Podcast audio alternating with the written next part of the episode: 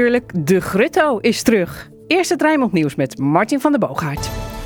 De Oekraïense president Volodymyr Zelensky is teleurgesteld over het besluit van de NAVO om geen no-fly zone in te stellen. Hij zegt dat de NAVO daarmee groen licht geeft voor meer Russische bombardementen. De NAVO wil geen no-fly zone instellen omdat anders de oorlog in Oekraïne kan uitlopen op een directe confrontatie met Rusland. De VN-veiligheidsraad gaat praten over de humanitaire crisis in Oekraïne. Dat is een initiatief van Mexico en Frankrijk. Het is de bedoeling dat het geweld stopt, dat hulp wordt doorgelaten en dat burgers worden beschermd. De Europese Unie heeft gesproken over een mogelijke havenboycott voor Russische schepen. Die mogen dan niet meer aanmeren, bijvoorbeeld in Rotterdam. Nederland vindt dat bespreekbaar, zegt minister Wopke Hoekstra van uh, Buitenlandse Zaken. In Rotterdam is vanmiddag een vredesdemonstratie voor Oekraïne. Dat is een initiatief van verschillende geloofsgemeenschappen. Burgemeester Ahmed Abu Taleb zal erbij zijn, net als de Rotterdamse rabbijn Albert Ringer. De vredesdemonstratie voor Oekraïne begint vanmiddag om 4 uur op plein 1940. Dat is bij het monument De Verwoeste Stad van Zatkin. En een bedrijf in Sliedrecht eh, vangt morgen 25 Oekraïense vluchtelingen op. Het bedrijf heeft de mensen eerst opgevangen bij hun filiaal in Roemenië. Maar omdat daar geen plek is voor een definitieve opvang, worden ze nu naar Sliedrecht gehaald. Dan nog voetbal. In de eredivisie heeft de wedstrijd Vitesse-Sparta gisteravond het einde niet gehaald. Dit is Radio Rijnmond. Tot 9 uur, Chris natuurlijk. Hier is Chris Veen. Goedemorgen. We staan aan de vooravond van de week zonder varken, kip en koe. Want maandag begint de Nationale Week zonder vlees. Tien kookt vegetarisch maakt de Rotterdamse Maasburger een vegetarisch alternatief voor de hamburger, maar wel met ezelsoor. Jet Monroe doet het helemaal zonder dieren en vindt inspiratie in plantaardige kookboeken. De Grutto houdt wel van een sappig wormpje en is dus zeker geen vegetariër. Maar dat vergeven we hem, want de Grutto is wel voorbode van de lente. En wist je dat Tuschinski zijn eerste filmpaleizen bouwde in Rotterdam? Je hoort er meer over vandaag in... Chris natuurlijk, met Chris Vemer.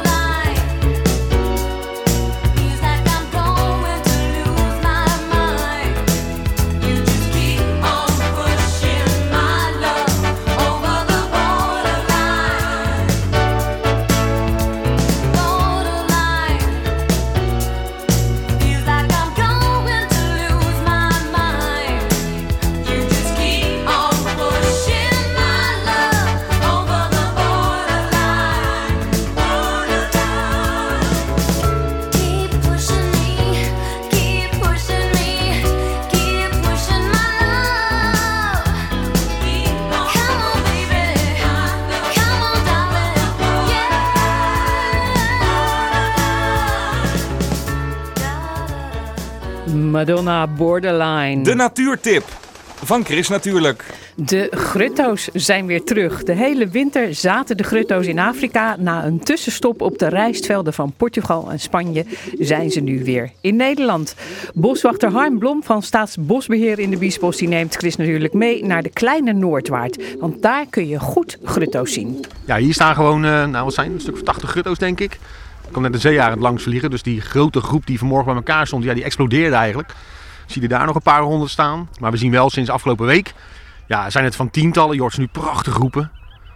Ja, fantastisch joh. Het zijn nu echt honderden. We schatten nu dat er nu rond de duizend staan. En dit is gewoon de, de tijd. En dan richting half maart, eind maart, dan krijg je echt de piek. Kan zomaar oplopen naar 4000 gutto's. En dan gaat het weer snel naar beneden. Dan zitten ze overal op hun broedgebieden. Je ziet ook prachtig die zwart-witte vogels nu landen. Dat zijn kluten. Ja, dat is wel voorjaarstafereeltje hoor. Maar waarom is dit nou juist zo'n goede plek om grutto's te zien? Dat komt door het eh, getijdengebied. De getijdennatuur, dat geeft ondiep water waar veel voedsel in te vinden is. Wat eten ze?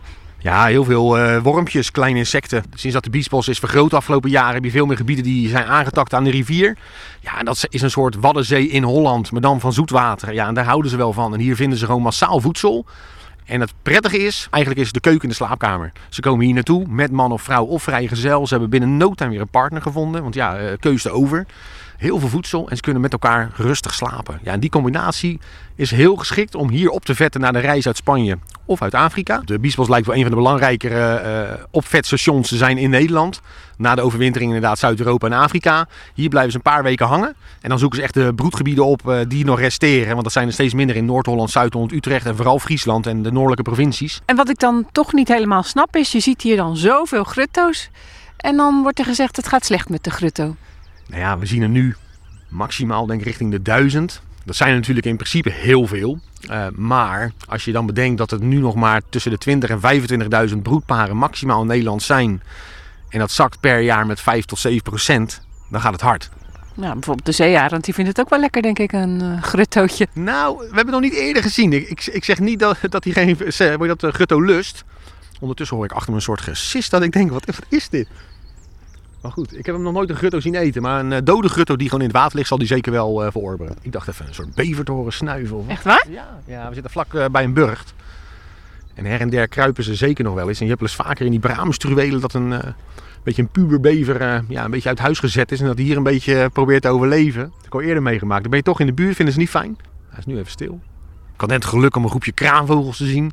En dat op zo'n mooie winterochtend. Kraanvogels? Wist ik helemaal niet dat die hier in Nederland voorkwamen. Ja, ze broeden zelfs tegenwoordig met redelijke aantallen. In die zin, hè, tientallen broedparen. Maar het is nu oostenwind. En met een voldoende oostenwind worden die kraanvogels in feite een beetje Nederland ingeduwd. Ik had net een groep van 15 recht over. Ja, dat maakt mijn dag toch wel gelijk uh, klaar. Dat is gewoon fantastisch. Even voor de herkenning. Eerste grutto. Hoe herken je die? Ja, ze vliegen nu op een gedeelte. Wat je ziet is dat het een, uh, best wel een grote steltloper is. Met uh, lange poten, uh, lange snavel. Er komen nu een paar overvliegen. Dan kan je ze helemaal goed bekijken. Het is dus een lange rechte snavel. ze zijn veelal grijsbruin. Je ziet het nu heel mooi. En vooral die witte streep op de vleugel maakt het als weidevogel een herkenbaar vogeltje in het land. En uh, nou ja, voor de radio, hoe klinkt hij dan? Ja, Gutto Gutto. Hij roept uh, zijn eigen naam. En dat doen heel veel vogels. Maar bij de Gutto is het wel eigenlijk de meest bekende. Ik vind het zelf een van de heerlijkste, meest mooie voorjaarsgeluiden. Het is een van de eerste die heel luid aangeeft, we zijn er weer, het gaat weer beginnen. Tegelijkertijd weten we ook wel dat het voor die Gutto verre van makkelijk is geworden. Want we merken bijvoorbeeld de gezenderde vogels dat de sterfte van volwassen Gutto's helaas ook groot is. Of door predatie of door gewoon ouderdom.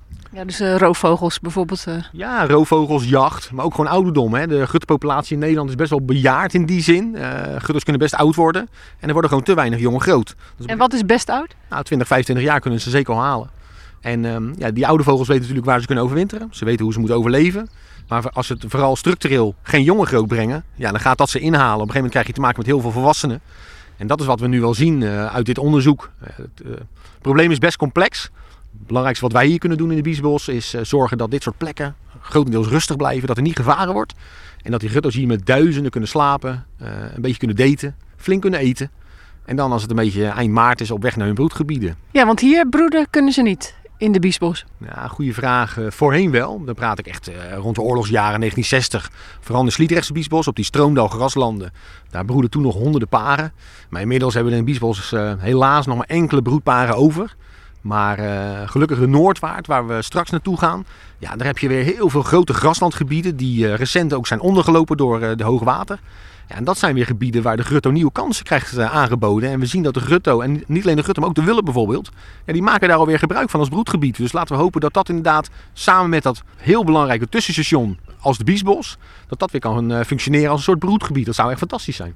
En moet je kijken joh, helemaal die grote zwarte linten vol met grutto's.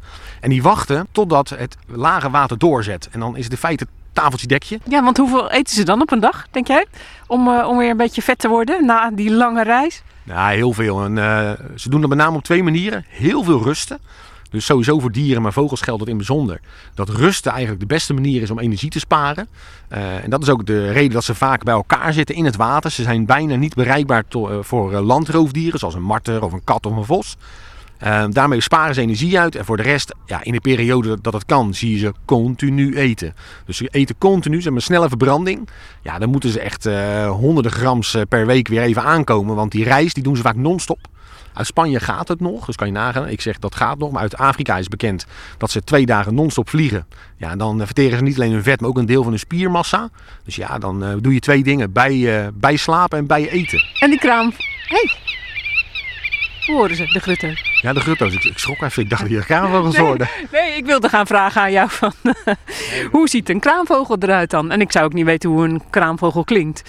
Ja, het geluid is echt fantastisch. Het is een van de meest bijzondere, majestueuze geluiden. Dat, dat, dat draagt ook door, door, door de bossen en over de landen. Ik ben toevallig een boswachter die helemaal kraanvogel gek is. Dus ik ben in oktober nog naar Oost-Duitsland geweest. Speciaal voor kraanvogels slaapplaatsen.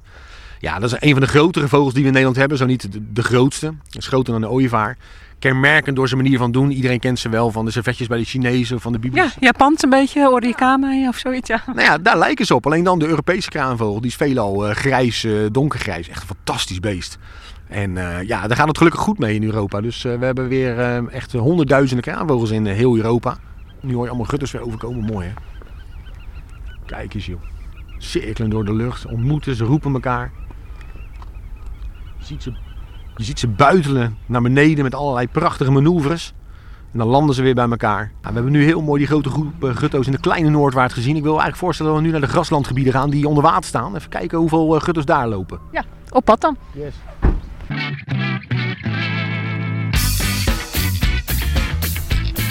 We zijn nu in de Noordwaard bij een uh, uitkijkpost aangekomen. Hebben we wat meer zicht over het plasdrasgebied, zoals dat heet. Nou ja, het lijken wel een soort rijstvelden hier. Mooi uitzicht, hè? Ja, dit is een van de betere plekken waar je vandaag kan zijn. Uh, bijna on-Nederlands. Dit is wel een plek waar jij een beetje je hoop op hebt gevestigd. Dat hier misschien in de nabije toekomst grutto's gaan broeden. Ja, alle, alle elementen die je nodig hebt, die, die, die heb je hier. Aan de ene kant zien we nu honderden grutto's uh, hun buikje vol eten. Op dat uh, drooggevallen ja, slikgebied eigenlijk. Er is een massa aan voedsel. Ze steken hier de weg over en je hebt hier uitermate geschikt broedgebied. Grasland waar uh, geen kunstmest op komt, geen drijfmest, er lopen geen koeien. Eén, twee keer per jaar wordt het gemaaid en afgevoerd, verstralingsbeheer.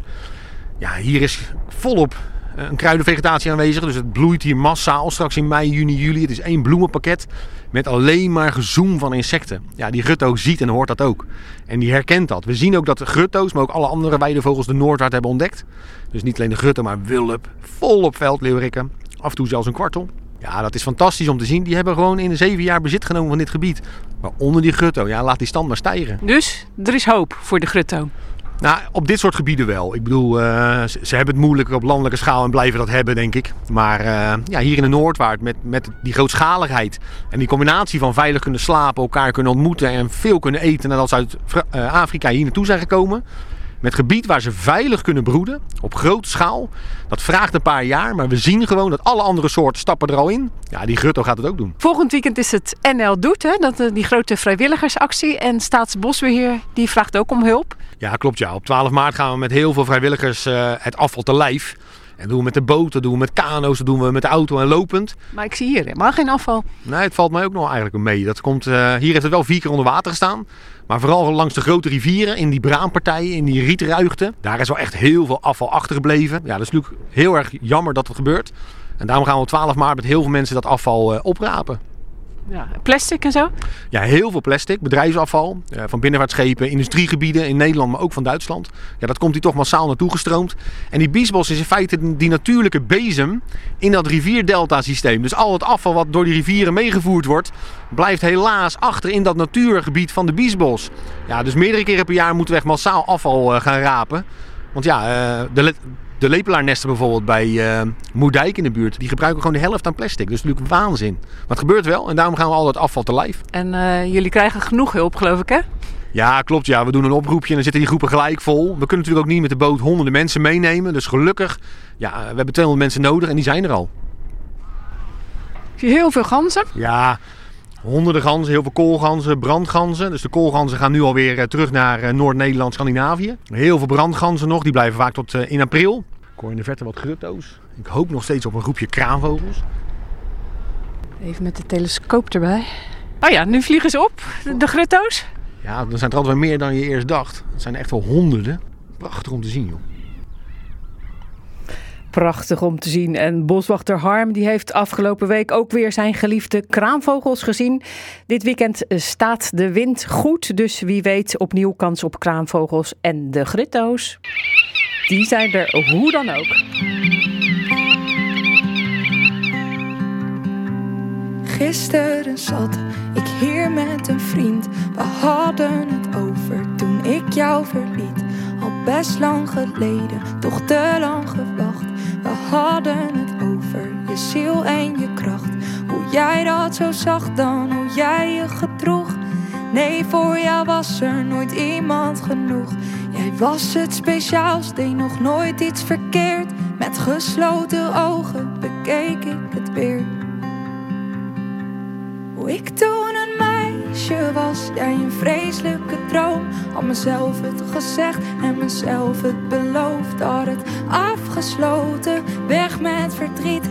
En ik zou het vergeten, maar het lukt me weer niet. Want de pijn die blijft, het zit dieper dan dat. Ik zou een moord doen, zodat ik je woorden vergat. Want dat klote gevoel dat toen is ontstaan, dat gaat nooit meer weg. En dat heb jij gedaan.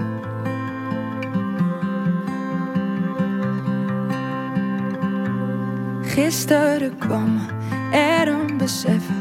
Jij duwde iedereen ver van me weg.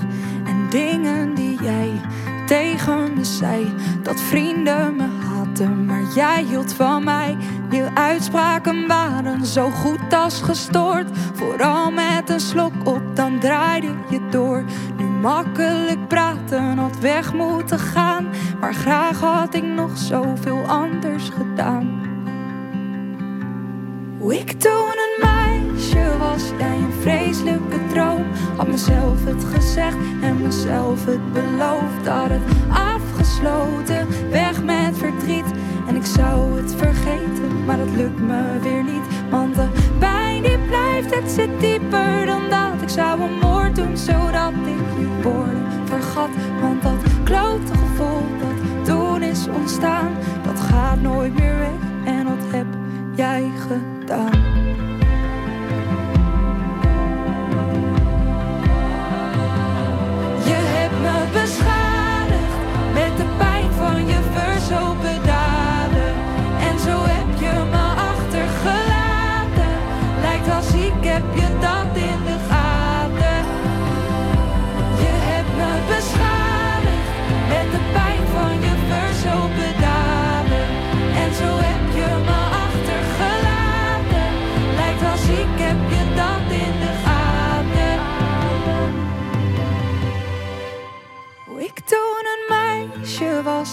Vreselijke droom. Had mezelf het gezegd en mezelf het beloofd. Had het afgesloten, weg met verdriet.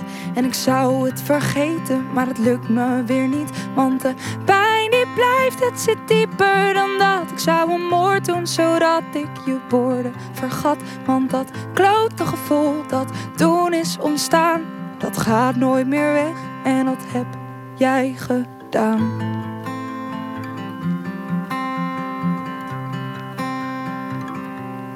Mo, dat heb jij gedaan. Wat eten we vandaag? Tien kookt vegetarisch bij Chris natuurlijk op Radio Rijnmond. Tineke de Lange uit Rotterdam is al 30 jaar professioneel fotograaf. Maar als Tien kookt vegetarisch geeft ze ook al lang vegetarische kooklessen. Speciaal voor Chris natuurlijk kookt Tien iedere keer op een andere mooie plek een vegetarisch gerecht. En dit keer heeft ze de uitdaging aangenomen van Manuel Kneepkens. De oud-politicus en oprichter van de Stadspartij in Rotterdam. Die eh, heeft gevraagd, zoek nou eens een vegetarisch alternatief voor de hamburger. Of bijvoorbeeld eh, in Rotterdam de kapsalon. Het is een mooi initiatief aan de vooravond van de Nationale Week zonder vlees die maandag gaat beginnen. Waarom heeft Tien deze uitdaging aangenomen? Een uitdaging moet je nooit uit de weg gaan natuurlijk. En hoe leuk zou het zijn als heel veel mensen opeens eh, vegetarische burgers gaan eten. Dat lijkt me wel heel erg mooi. Maar volgens Manuel moet die vega-burger dan net zo lekker zijn dat ze die hamburger vergeten.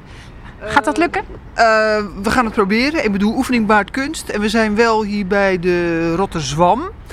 En die hebben wel een heel mooi product. Daar heb ik al heel vaak mee gekookt. Het is super vers. Wat als basisdienst voor de burger. En ik denk, uh, daar komen we al een heel eind mee op weg. Maar uh, jouw hondje Beb, uh, zou die dat kunnen waarderen? Ja, ik denk uiteindelijk dat honden gewoon eten wat lekker is. En zo'n oesterzwam is best wel vlezig van structuur. En als je nog een heel klein beetje voorzichtig op smaak brengt, niet te veel natuurlijk, en een voorzichtig bouillonnetje, dan gaat een hond er wel voor hoor. Nou ja, we gaan uh, kijken dus bij Rotterswam. En Mark Slegers die is van uh, Rotterswam. Wat vinden jullie van het idee van Manuel Kneepkens?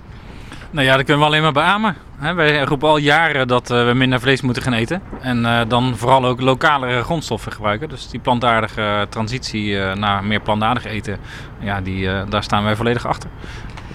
Voor iedereen die het nog niet weet, wat is Rotterswam? Rotterswam is een lokale paddenstoelenkweker. Um, en eigenlijk gebruiken wij de paddenstoel als middel om van waardeloos koffiedik, uh, het afval van het koffiedrinken, om te zetten naar waarde in de vorm van een oesterzwam. En uh, die kweken we hier in Rotterdam. We zijn ooit begonnen in het oude Tropicana. En zijn nu hier in Schiemond uh, uitgegroeid met onze grotere schaal productielocatie. Ja, dus uh, jij gaat ons een rondleiding geven. Volgens mij is Tineke ook wel benieuwd, hè? Ik ben zeer benieuwd, ja. Want ik weet, uh, ik weet uit ervaring hoe mooi ze zijn. Ze komen, we kookten wel eens mee op de kooklessen. En dan zijn ze zo vers en zo gaaf en zo sappig. Het is echt heel mooi. Dus ik wil het graag zien. Ja. Oké, okay, waar gaan we naartoe? Ja, we gaan eerst even naar de productielocatie, productieruimte, waar we dus het koffiedik verwerken tot substraat. Dus koffie uh, vindt een zwan wel lekker, maar ook wel niet zo lekker. Dus daar moeten we nog een aantal dingen mee doen. En uh, daar gaan we nu eerst naartoe. Uh, want wij mengen de koffie met schilletjes van de koffieboon. Daar is een afval, een, een, vliesje wat er overblijft. En dat voegen wij weer toe, samen met wat gemalen krijt en de schimmel. En dat moet goed gemengd worden. Dan gaan we naar de volgende plek, doen we het in grote zakken, lange worsten. En dan gaan we eens kijken hoe ze daar groeien. Rondje blijven hier. Ja, denk wel. Ja, Beb blijft eventjes uh, hier. Ik weet niet of die koffie uh, lekker vindt ruiken. Uh, de melk die erop zit, hè?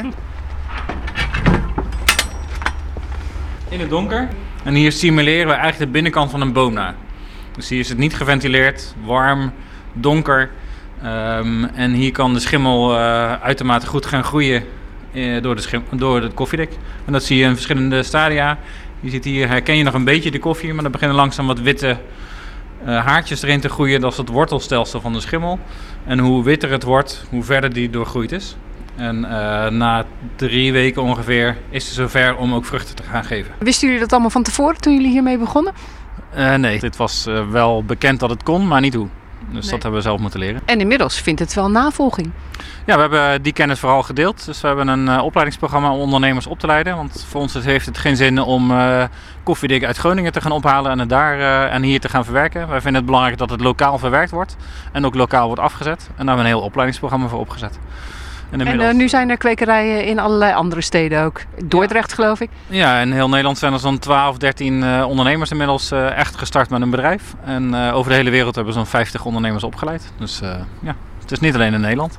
Zo, deze deur gaat dicht, want anders ja. krijgen de paddenstoelen het koud.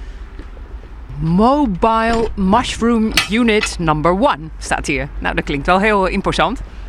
Ja, toch? Ja, dit is de, hier komen we in, in de herfst terecht eigenlijk. En hier wow. zie je blokken en zakken met uh, de, ja, de opkomende paddenstoel, die nu een paar dagen oud is. Mooi gezicht, hè? Het is echt super mooi. Hier kan jij dus wel een lekkere bal van maken. Nee, een burger. We gaan een burgertje maken. Ik kan hier zeker een burgertje van maken. En ik begreep net van Mark dat eh, ik heb nu als bindmiddel gebruikt eh, een klein beetje boelger en een klein beetje ei.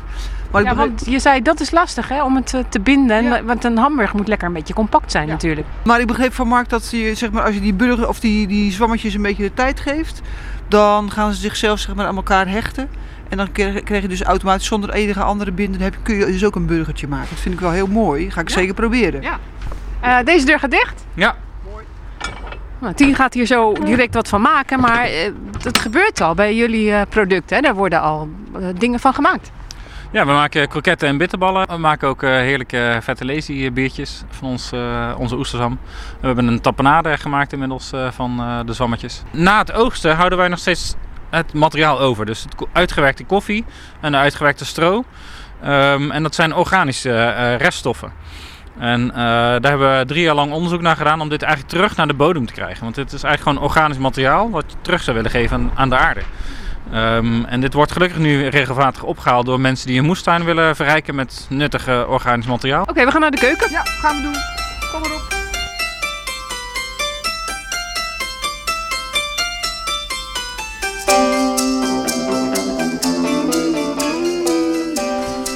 Ik heb van de verse oesterzwammen een burgertje gemaakt. Samen met knoflook, een uitje en een klein beetje boelger. Ik bedoel, Rotterdam is multicultureel, dus er mag ook wel een ander tintje aan zitten. Dus ik heb hem een beetje naar de Aziatische kant getrokken. Er zitten een beetje five spices in. En ehm, de, in plaats van mayonaise heb ik zeg maar een eh, miso mayonaise gemaakt. In plaats van augurkje heb ik een zoetzure rettich gemaakt. Daarnaast een beetje zeewiersalade. Dat kun je zelf maken. Het is geen fastfood meer zo, hè? Om eh, thuis snel eventjes eh, je burger te maken. Maar het is natuurlijk ook de bedoeling dat je een beetje verdiept hè, als je aan het koken bent. Dus ehm, ik maak heel vaak een soort bouillon met eh, zeewier. En die plakken zeewier, zeg maar, die hoef je dan niet weg te gooien als de smaak eruit getrokken is. Die kun je heel fijn snijden, die kun je weer opnieuw smaak, op smaak brengen, zeg maar. En die verwerkt tot, tot een salade. Dat vindt Mark weer goed om te horen natuurlijk, hè? Ja, nooit meer wat weggooien toch? Nee, zonde. Ja. En eh, we toppen hen af, zoals het in de burgerwereld heeft, met een klein beetje gemarineerde gember en een beetje sesamzaad. En een groen ezeloortje. Ja, want jij denkt, wat doen we nou? Zijn we gestopt met het vegetarisch koken? Nee, eh, als je zeg maar een eh, bosuitje op een bepaalde manier snijdt, een beetje ovaal, dan lijkt hij als je hem openvouwt op een ezelsoortje. In de Chinese keuken noemen ze dat een ezeloor. Dat is de jongens, eet smakelijk. Ja, nou, het ziet er heel mooi uit weer. Vind je niet, eh, Mark? ja, heerlijk. Ik zou zeggen aanvallen. Alsjeblieft. Ja, en jij hebt ook nog voor de, voor de meisjes van het Ja, kantoor wat gemaakt, geloof ik. Dus eh, hallo, ja, het proefteam. Nou, ik ga even vragen wat, wat, wat jullie ervan vinden. Ja, heerlijk. Lekker, eh, lekkere smaken, lekkere textuur. Lekker, een beetje smeuig ook, was wel lekker. Ja, en jij eet zonder broodje, hoe smaakt dat? Ook super lekker. Lekkerder dan een vleesburger. En Beb, nou, Beb die eh, likt eh, zijn bekje. Beb heeft een, eh, mooie paddenstoelenburger achter de kiezen. En die gaat tevreden naar huis, denk ik wel. Nou, en een linkje naar het recept voor de Maasburger vind je op de site van Chris natuurlijk. Wat eten we vandaag? Tien kookt vegetarisch bij Chris Natuurlijk op Radio Rijnmond. En wat staat er in de weekendkranten over groen, natuur en milieu? Je hoort het in het overzicht. Ik lees het samen met Martin van der Boogaerts. Martin, goedemorgen. Ja, goedemorgen Chris. Eh, ja, ook met het groene nieuws eh, beginnen we in eh, Oekraïne. Want dierenverzorgers in de dierentuin van Kharkov, in de Oekraïne dus, die wonen nu in de dierentuinen. Ze zijn bang dat ze niet meer terug kunnen als ze naar huis gaan. En zonder verzorgers zijn de dierentuin dieren ten dode opgeschreven. Vanuit het park filmden de medewerkers deze week al hoe op andere plekken in de stad Russische raketten insloegen. Je leest erover in de weekendbijlage van het Ja. AD. Het doet ook een beetje denken toch wel misschien wel aan, eh, aan uh, Diergaarde Blijdorp. Nou Moest ja, aan de aan denken. Ja, niet de Diergaarde Blijdorp, want dat was natuurlijk eh, de dierentuin toen. Ja. Zeeleeuw in de Heemraadsingel, wat was het allemaal niet? Ja, ja. Nou, daar lees je dus over in de weekendbijlage van het AD. In haar column in de Volkskrant heb ik eigenlijk speciaal voor jou eh, opgenomen, Martin. Want jij maakt je nogal zorgen. Maar eh, Paulien Cornelissen die heeft een vermeend citaat van eh, Maarten Luther eh, ter harte genomen. Als ik wist dat de wereld morgen zou vergaan, dan zou ik vandaag nog een appelboompje planten. Volgens Cornelissen is het een erg bruikbaar citaat. Want pieker heeft geen zin. Ga maar gewoon iets beters doen voor de wereld. Waar de wereld een beetje mooier van wordt. Zoals een appelboompje planten. Ja, ik ben toch een iets meer een zwartkijker dan Martin Luther, eh, vrees ik. Dat weet ik. Maar plant gewoon een appelboompje. Ja, ik ga gewoon een appelboom planten morgen. Ehm, als een groep vogels uh, plotseling dood neervalt, uh, laten we positief blijven, dan doen de meest wilde verhalen de ronde, schrijft Trouw. Het was ook afgelopen donderdag het geval. Toen viel een hele zwerm spreeuwen zomaar uit de lucht. En die vielen op de snelweg bij Vinkenveen. Maar zulke dingen, ach ja, die gebeuren wel vaker. Meestal is het een navigatiefout, schrijft de krant. Wat vliegt daar? Het AD trekt met een beginnend vogelaar door de duinen in Den Haag. Een tip van deze vogelaar, ze heet Marjolein van Rotterdam. Ga vroeg op pad, ga zitten en luister. En na een minuut of twintig dan komen de vogels vanzelf. En Jelle Reumer die schrijft in zijn dierencolumn in Trouw over de purperslak. Net als de kanarie heeft deze slak een, uh, geeft deze slak een aanwijzing als er iets uh, mis is of uh, als er iets mist dreigt te gaan. Als de kanarie in de kolenmijn omvalt, dan moeten de mijnwerkers snel wegwezen, want dan zit er te veel koolmonoxide in de mijn. De purperslak verdween uit de Noordzee omdat schepen een bepaalde tinhoudende verf gebruikten waar die slak niet tegen kan. Maar deze verf is nu op schepen in Europa verboden. En daarom gaat het gelukkig langzaam beter met de purperslak. Ja, nou, best wel mooi uh, nieuws om mee te eindigen. Martin van der Boogaard met het groene nieuws uit de weekendkranten. En ook een beetje purper. Uh. Het weerbericht komt van Ed Al. Dus Ed, goedemorgen. Dag Chris, hele goede morgen. Het was uh, fris lenteachtig weer gisteren. Gaat dat vandaag weer gebeuren? Ja, zeker. Nou ja, sterker nog, het was gewoon echt winterskoud de afgelopen nacht. En op dit moment nog steeds. De temperatuur daalde namelijk op Rotterdam Airport naar bijna min 4 graden. Dus uh, ja, dat is gewoon echt flinke voice. Ik zag er dan ook voldoende ijs liggen op de slootjes hier zo. En buiten onze regio, uh, in Brabant, zag ik zelfs temperaturen aan de grond op min 9 graden. Dus ronduit koud. Zo, nou. Ja, nou ja, we hebben te maken uh, dit weekend met een uh, nieuw hoge drukgebied. Uh, het bouwt zich op boven de Britse eilanden. Daardoor kantelt de stroming morgen meer naar het noorden. En morgen wordt de aangevoerde lucht dan ook wat vochtiger. Dat gaan we merken in de, ja, dat er meer bewolking zichtbaar zal zijn. Maar vandaag nog niet. Vandaag is het stralend zonnig. De temperatuur gaat langzaam oplopen. Vanmiddag wordt het een graad of 9, dus wat minder zacht dan gisteren. En de wind neemt toe tot matig, windkracht 3 of 4. Dus je moet zeker wel, het is een cliché, achter uh, glas zitten, zeg maar, uit de wind om het uh, dan aangenaam te hebben. Vanavond en vannacht blijft het nog helder in de regio, minder koud, maar toch nog wel een graadje vorst in het oosten van het Rijnmondgebied. En tegen de ochtend kunnen een paar wolkenvelden doordringen tot onze regio. En wat ook opvalt is dat de noordoostenwind aan zee gaat toenemen tot vrij krachtig. Dat is een windkracht 5. En dan zit ook... me wel af te vragen of dan noordoostenwind, of die ook wel uh, die kraanvogels uh, een beetje naar het westen van het land uh, nee. toedrijven. Maar dan net weer niet misschien. Nee, ja, die kraanvogels, zeg maar, die zitten toch ook hoofdzakelijk in het oosten en zuidoosten Klopt, ja, van ja. het land. Nee, maar we hadden vanochtend in de uitzending Ja, ik dat, ik dat het. juist, zeg maar, als het een beetje oostenwind is, dan Klopt. kunnen ze af en toe een beetje van richting eh, deze kant, eh, en vooral dan in het voorjaar eh, gewaaid eh, Nee, worden. klopt. Dan, dan drijven ze wat af, zeg maar. Was een paar dagen geleden waren ze trouwens, was er een zwerm te zien eh, in de Hoekse Waard. Ja, leuk hè? Eh, dat is natuurlijk helemaal tof, inderdaad. Er zit nog één zwerm aan te komen. Dan zou je zeggen, ja, hoe weet je dat nou weer? Er is een speciale pagina over op het internet. En dan zie je die kraanvogels aankomen. Dat wordt allemaal gemonitord. En eh, ja, heel veel mensen die je kent, die gaan dan ook bijvoorbeeld naar het zuiden van Limburg. En inderdaad naar het westen van Duitsland. Eh, Ja, dan van zie je ze echt goed. ja, precies. Ja, ja. het oosten van België. En dan zie je ze echt eh, ja, in grote getalen, zeg maar. Echt een geweldige vogel, inderdaad. Nou ja, morgen overdag dan is eh, of, periode met zon. En er gaan stapelwolken ontstaan morgen ook. Dus minder zon dan de afgelopen tijd. Toch komt de zon nog wel goed tevoorschijn. En het wordt kouder, Chris, een graad of 7. En dan waait een matige aan zee eerst nog wel vrij krachtige noordoostenwind.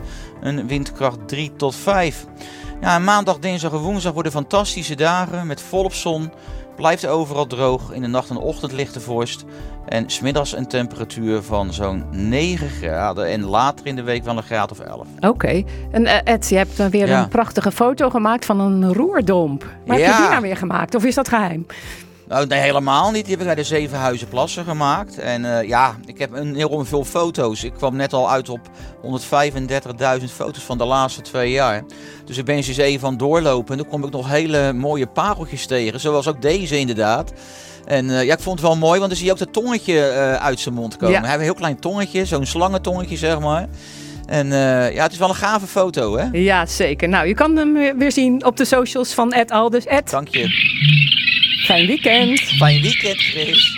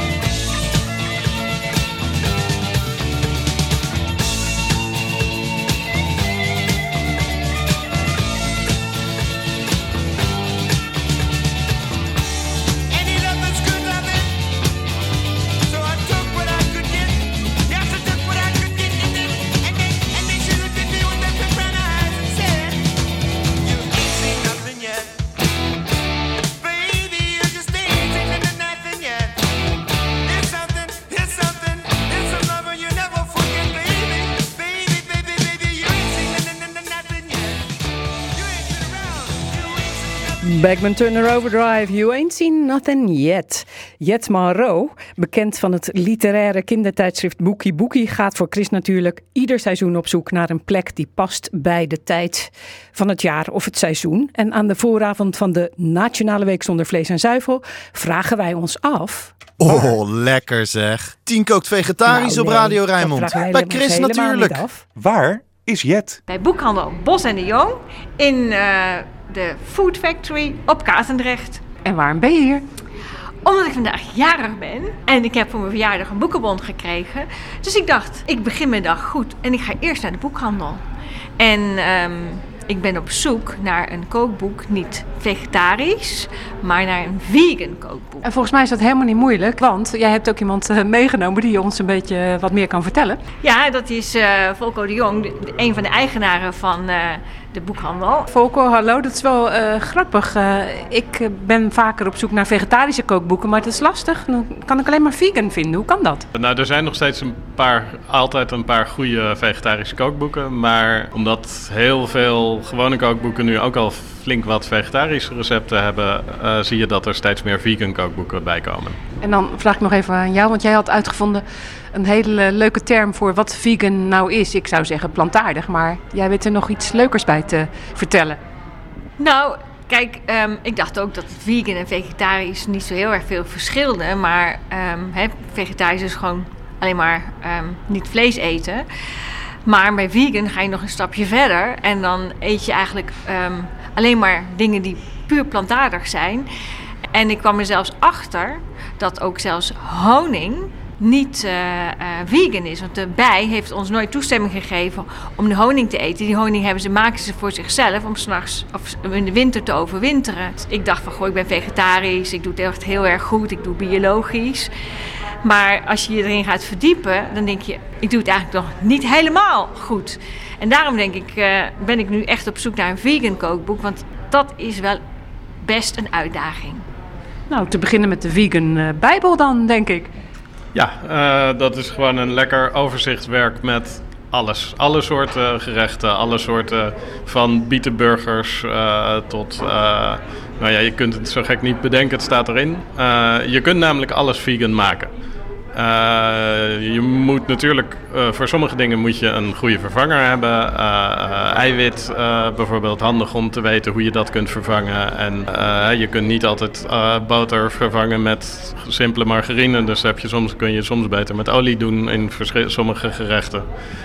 Dat is echt in de hele breedte. Je hebt bijvoorbeeld van Yigo Krant. Hij heeft eerder het boek TLV met uh, keuken van Tel Aviv gemaakt. En nu heeft hij daar een vegan variant. Land zonder melk en honing. En daarin gaat hij de hele keuken langs. En zorgt dat er nergens melk, honing of andere zuivel of eieren in zit. En het fijne van de keuken is dat het ook helemaal niet zo moeilijk is om dat weg te laten. Jij, Jet, zie je al iets van je gading? Nou, er zijn een aantal boeken waarvan ik denk, oh, is best wel uh, boeiend. Dan vind ik deze, dus eigenlijk precies tegenovergesteld, omdat hij er zo gezond uitziet. Dat is uh, vegan voor iedereen van de Groene Meisjes. Hij ziet er wat gezonder uit dan sommige van de andere uh, wat hipper vormgegeven boeken. Maar het fijne hiervan is dat ze ook heel erg rekening houden met budget. En met niet alleen maar hele ingewikkelde gerechten, maar ook een beetje basics. Waardoor je juist iets makkelijker wordt om vegan te gaan koken. Dus ja, dus misschien een beetje voor beginners dit boek. Ja, of voor gewoon heel veel mensen die geen zin hebben in een heel ingewikkeld recept, uh, maar gewoon even iets lekkers klaar willen maken. Dan moet je ook nog wel, als je dat van plan bent om dat serieus uh, te gaan doen, hè, dan moet je het ook vol kunnen houden. Dus dat zou best wel kunnen met dat boek van de Groene Muisjes. Ja, en wat ook best wel slim is eigenlijk, dat pulvruchten, die zijn ongelooflijk gezond en lekker. En als je ze gedroogd koopt, dan is het helemaal A, veel goedkoper. En dat is een van mijn tips ook. Ik heb dan de eerste hulp bij uh, vegan worden. Heb ik tien tips gemaakt. Dit is dan één van de tips. Veel mensen willen graag eigenlijk um, vlees eten. En dan zoeken ze vleesvervangers. Maar volgens mij is dat eigenlijk gewoon iets wat je juist niet moet doen. Want dan ga je iets missen. Uh, en soms moet je gewoon slim zijn in vervangingen. Ik heb laatst een uh, bolognese saus gemaakt met gemalen uh, bloemkool in plaats van gehakt. En dat werkte uh, verrassend goed. Dit ziet er ook heel leuk uit. Vegan party food. Nou ja, daarom hebben ze ook inderdaad dit boek gemaakt. Juist om het een beetje uit zijn uh, geitenwolle sokken imago te trekken. Omdat het verschrikkelijk lekker en kleurrijk uh, eten kan zijn. Uh, en ook voor feestjes echt een, een, een toevoeging kan zijn. En dat het dus heel jammer is als mensen erbij blijven denken, ja, maar dat smaakt nergens naar. Zullen we even doorbladeren dan door deze feestelijke vegan versie? Bijvoorbeeld een uh, verjaardagstaart, in dit geval met een, een roze frambozen topping daaroverheen gesmeerd, zodat hij er heel erg mooi feestelijk uitziet. Die kan ik natuurlijk voor mijn verjaardag gaan maken, want ja. ik moet natuurlijk wel even een taart straks gaan bakken. Want vegan bakken is best moeilijk. He, dus hoe doe je dat zonder eieren en boter? Want dat is eigenlijk ja, hoe ik altijd bak. Maar wat, welk boek kun je mij dan aanbevelen als ik nu straks een lekkere taart wil bakken voor mijn uh, vrienden die op bezoek komen? Nou, als je echt een lekker uh, ouderwets uh, degelijk bakboek wil, dan is er Taart en de Koek. Koek met CK zelfs nog. Dat is een heel fijn bakboek met, met ja, gewoon lekker, echt goede taartrecepten, lekkere koeken, lekker, de koeken die je kent, maar dan met boter en eieren vervangen door uh, de juiste andere ingrediënten. Je had ook nog wat uh, voor ons om te ontbijten, dacht ik. Ja, omdat ik jarig ben en uh, dacht ik van nou, dan moet ik naar de bakker. En om dat een beetje mezelf voor te bereiden op de uh, week zonder vlees en zuivel, heb ik de bakker weten te overtuigen om een een eh, vegan broodje te maken. En dat gaat hij dan eh, de hele week eh, serveren. En verder had ik nog bedacht, misschien gaat het me wel lukken, omdat het een week heeft zeven dagen, om zeven restaurants in mijn wijk te overtuigen om een week lang eh, iets speciaal vegans te maken. Ja, dan hoef je ook niet te koken.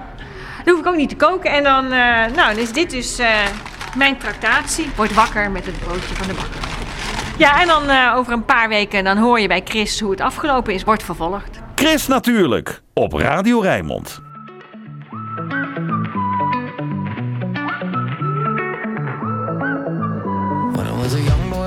City, all I did was run, run, run, run, run. Staring at the lights, they look so pretty. Mama said, son, son, son, son, son. You're gonna grow up, you're gonna get old. All that glitter don't turn to gold. But until then, just have your fun. Boy, run, run, run, run, run. Run, run, run.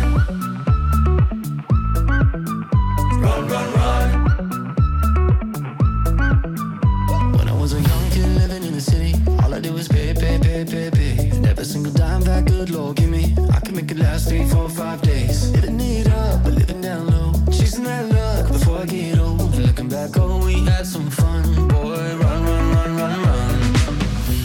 They tell you that the sky might fall. They'll say that you might lose it all. So I run until I hit that wall. Yeah, I learned my lesson, count my blessings up to the rising sun. Run, run, run. Yeah,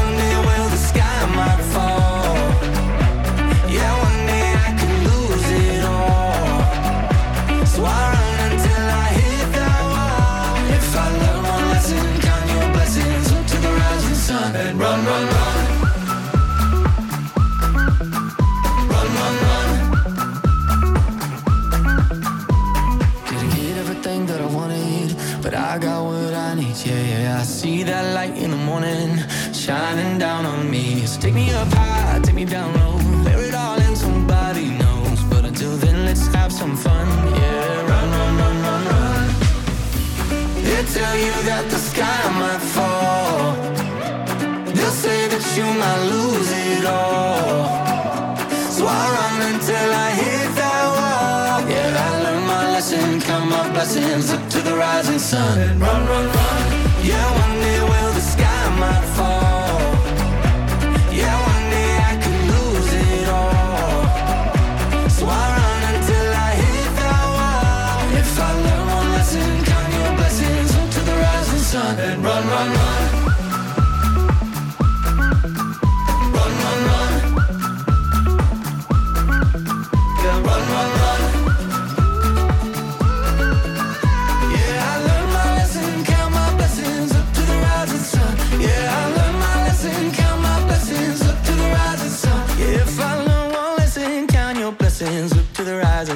Yeah, run, run, run. One Republic. Chris Natuurlijk.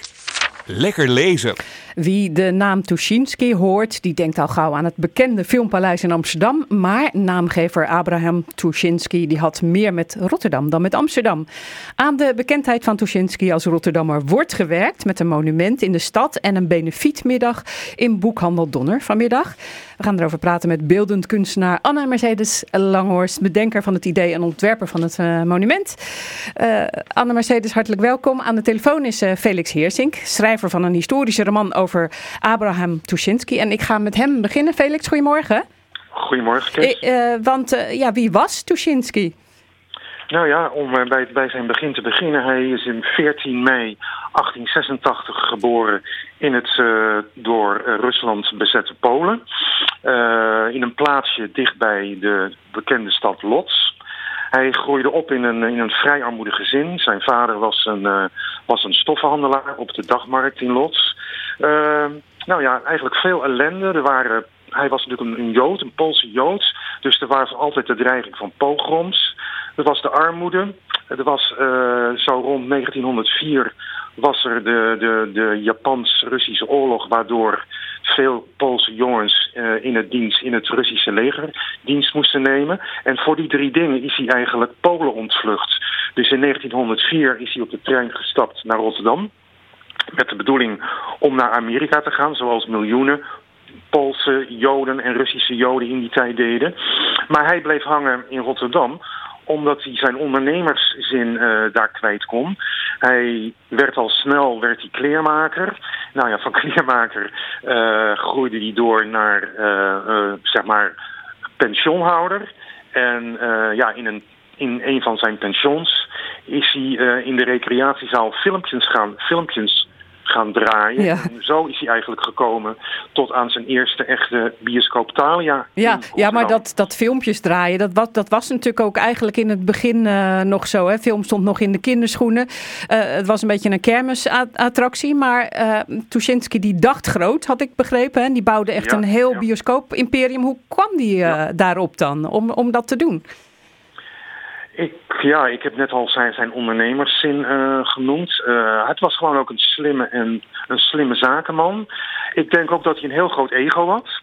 Dus hij wilde iets bereiken in het leven. Eh, nou, dat is hem natuurlijk gelukt. En hij had natuurlijk gewoon succes met zijn eerste bioscoop Thalia in Rotterdam. Wat eh, zich al onderscheidde van andere bioscopen. Je had zo rond 1912 had je al 17 bioscoopjes in Rotterdam. En zijn Thalia, die onderscheidde zich daar van de andere bioscopen.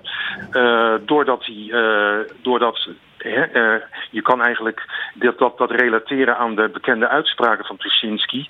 Eh, niets is onmogelijk en het grootste van het grootste. Hij draaide dus de beste films en, op een, en hij bood zijn bezoekers een sfeer van weelderige luxe. Ja, dus de, de mensen waren prinsen en prinsessen. En die gingen over de rode lopers, eh, gingen ze zo de bioscoop in. Dus hij maakte er echt al een beleving van in die tijd. Inderdaad. Nou, nou was het, eh, het erge dat al die bioscopen in Rotterdam verloren zijn gegaan bij het bombardement eh, in eh, 1940 op de stad. Hè? En ja. ja, misschien is dat wel waarom nog steeds weinig mensen weten wie Tuschinski was. En dan ga ik naar Anne Mercedes. Want wat was jouw reactie toen jij hoorde dat Tuschinski eh, zo geleefd had en dat hij een Rotterdammer was? Ja, ik was natuurlijk helemaal eh, perplex, zoals veel Rotterdammers denken, denk ik. Eh, want wij kennen allemaal nog het Tuschinski Theater in eh, Amsterdam. En ehm, ja, toen ik hoorde over het verhaal van, over, over Tuschinski, dan dacht ik echt, wa- wat een man, wat een, wat een visie, wat een, wat een mooie combinatie van artisticiteit ge- ge- gecombineerd met, met het ondernemerschap, zoals Felix inderdaad al net noemde. En als beeldend kunstenaar was dat, toen, ik daar, toen ik in aanraking kwam met Abraham, was dat ook heel erg actueel. Dat is nog steeds actueel van hoe combineer je je artisticiteit met je ondernemerschap. En toen, eh, ja, toen dacht ik, ja, Tuschinski is wel een heel mooi voorbeeld daarvan. Want het is een prachtig voorbeeld van kunst in de openbare ruimte.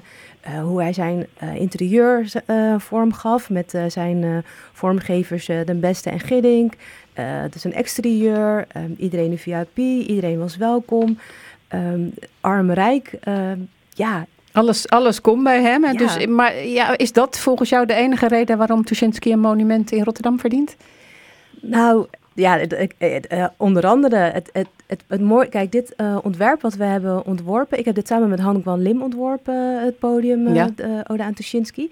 Eh, daar, dat, daar hebben wij mee, eh, daarbij hebben we in gedachten genomen het Grand Theater. Het Grand Theater is inderdaad niks meer van over vanwege het bombardement.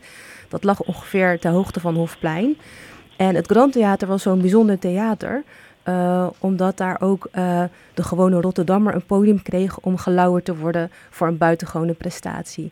En op datzelfde podium, zoals de mythe dan gaat, eh, werd, werd ook Marlene Dietrich gelauwerd en Josephine Baker.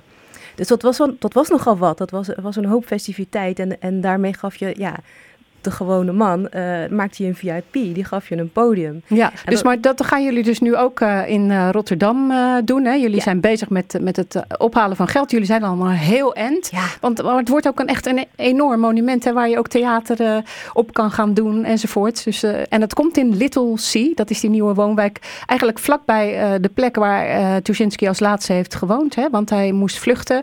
Hij, of vluchten, ja, had hij, was hij maar gevlucht. Hè? Want hij is eh, eh, naar Auschwitz.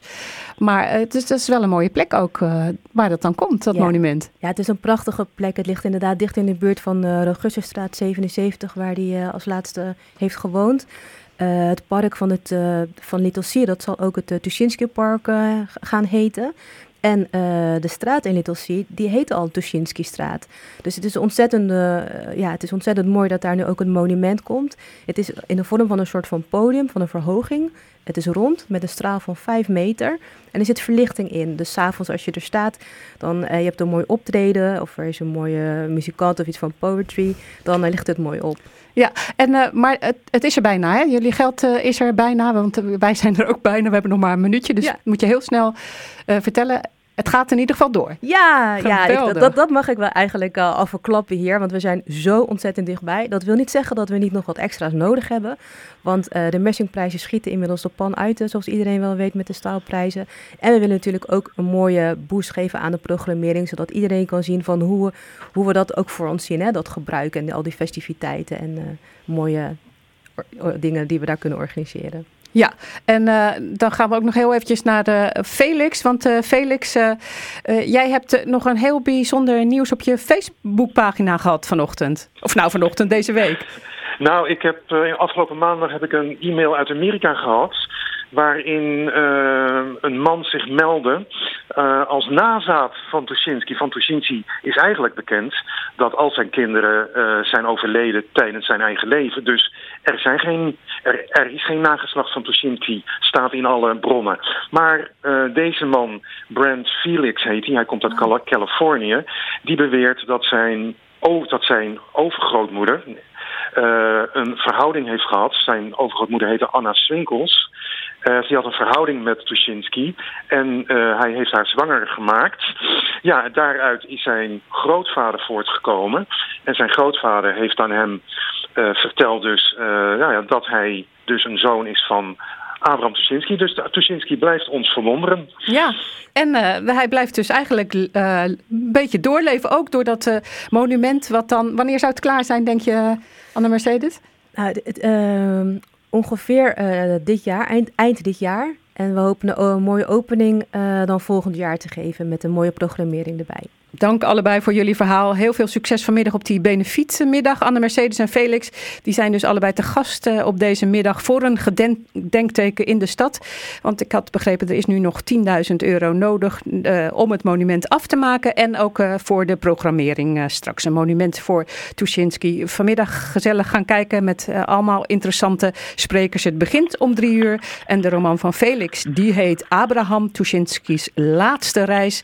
En het is uitgegeven bij de brouwerij. Het kost in de winkel 21,99 euro. En er is één luisteraar die het boek kan winnen. 010 436 4436. En dan maak je kans.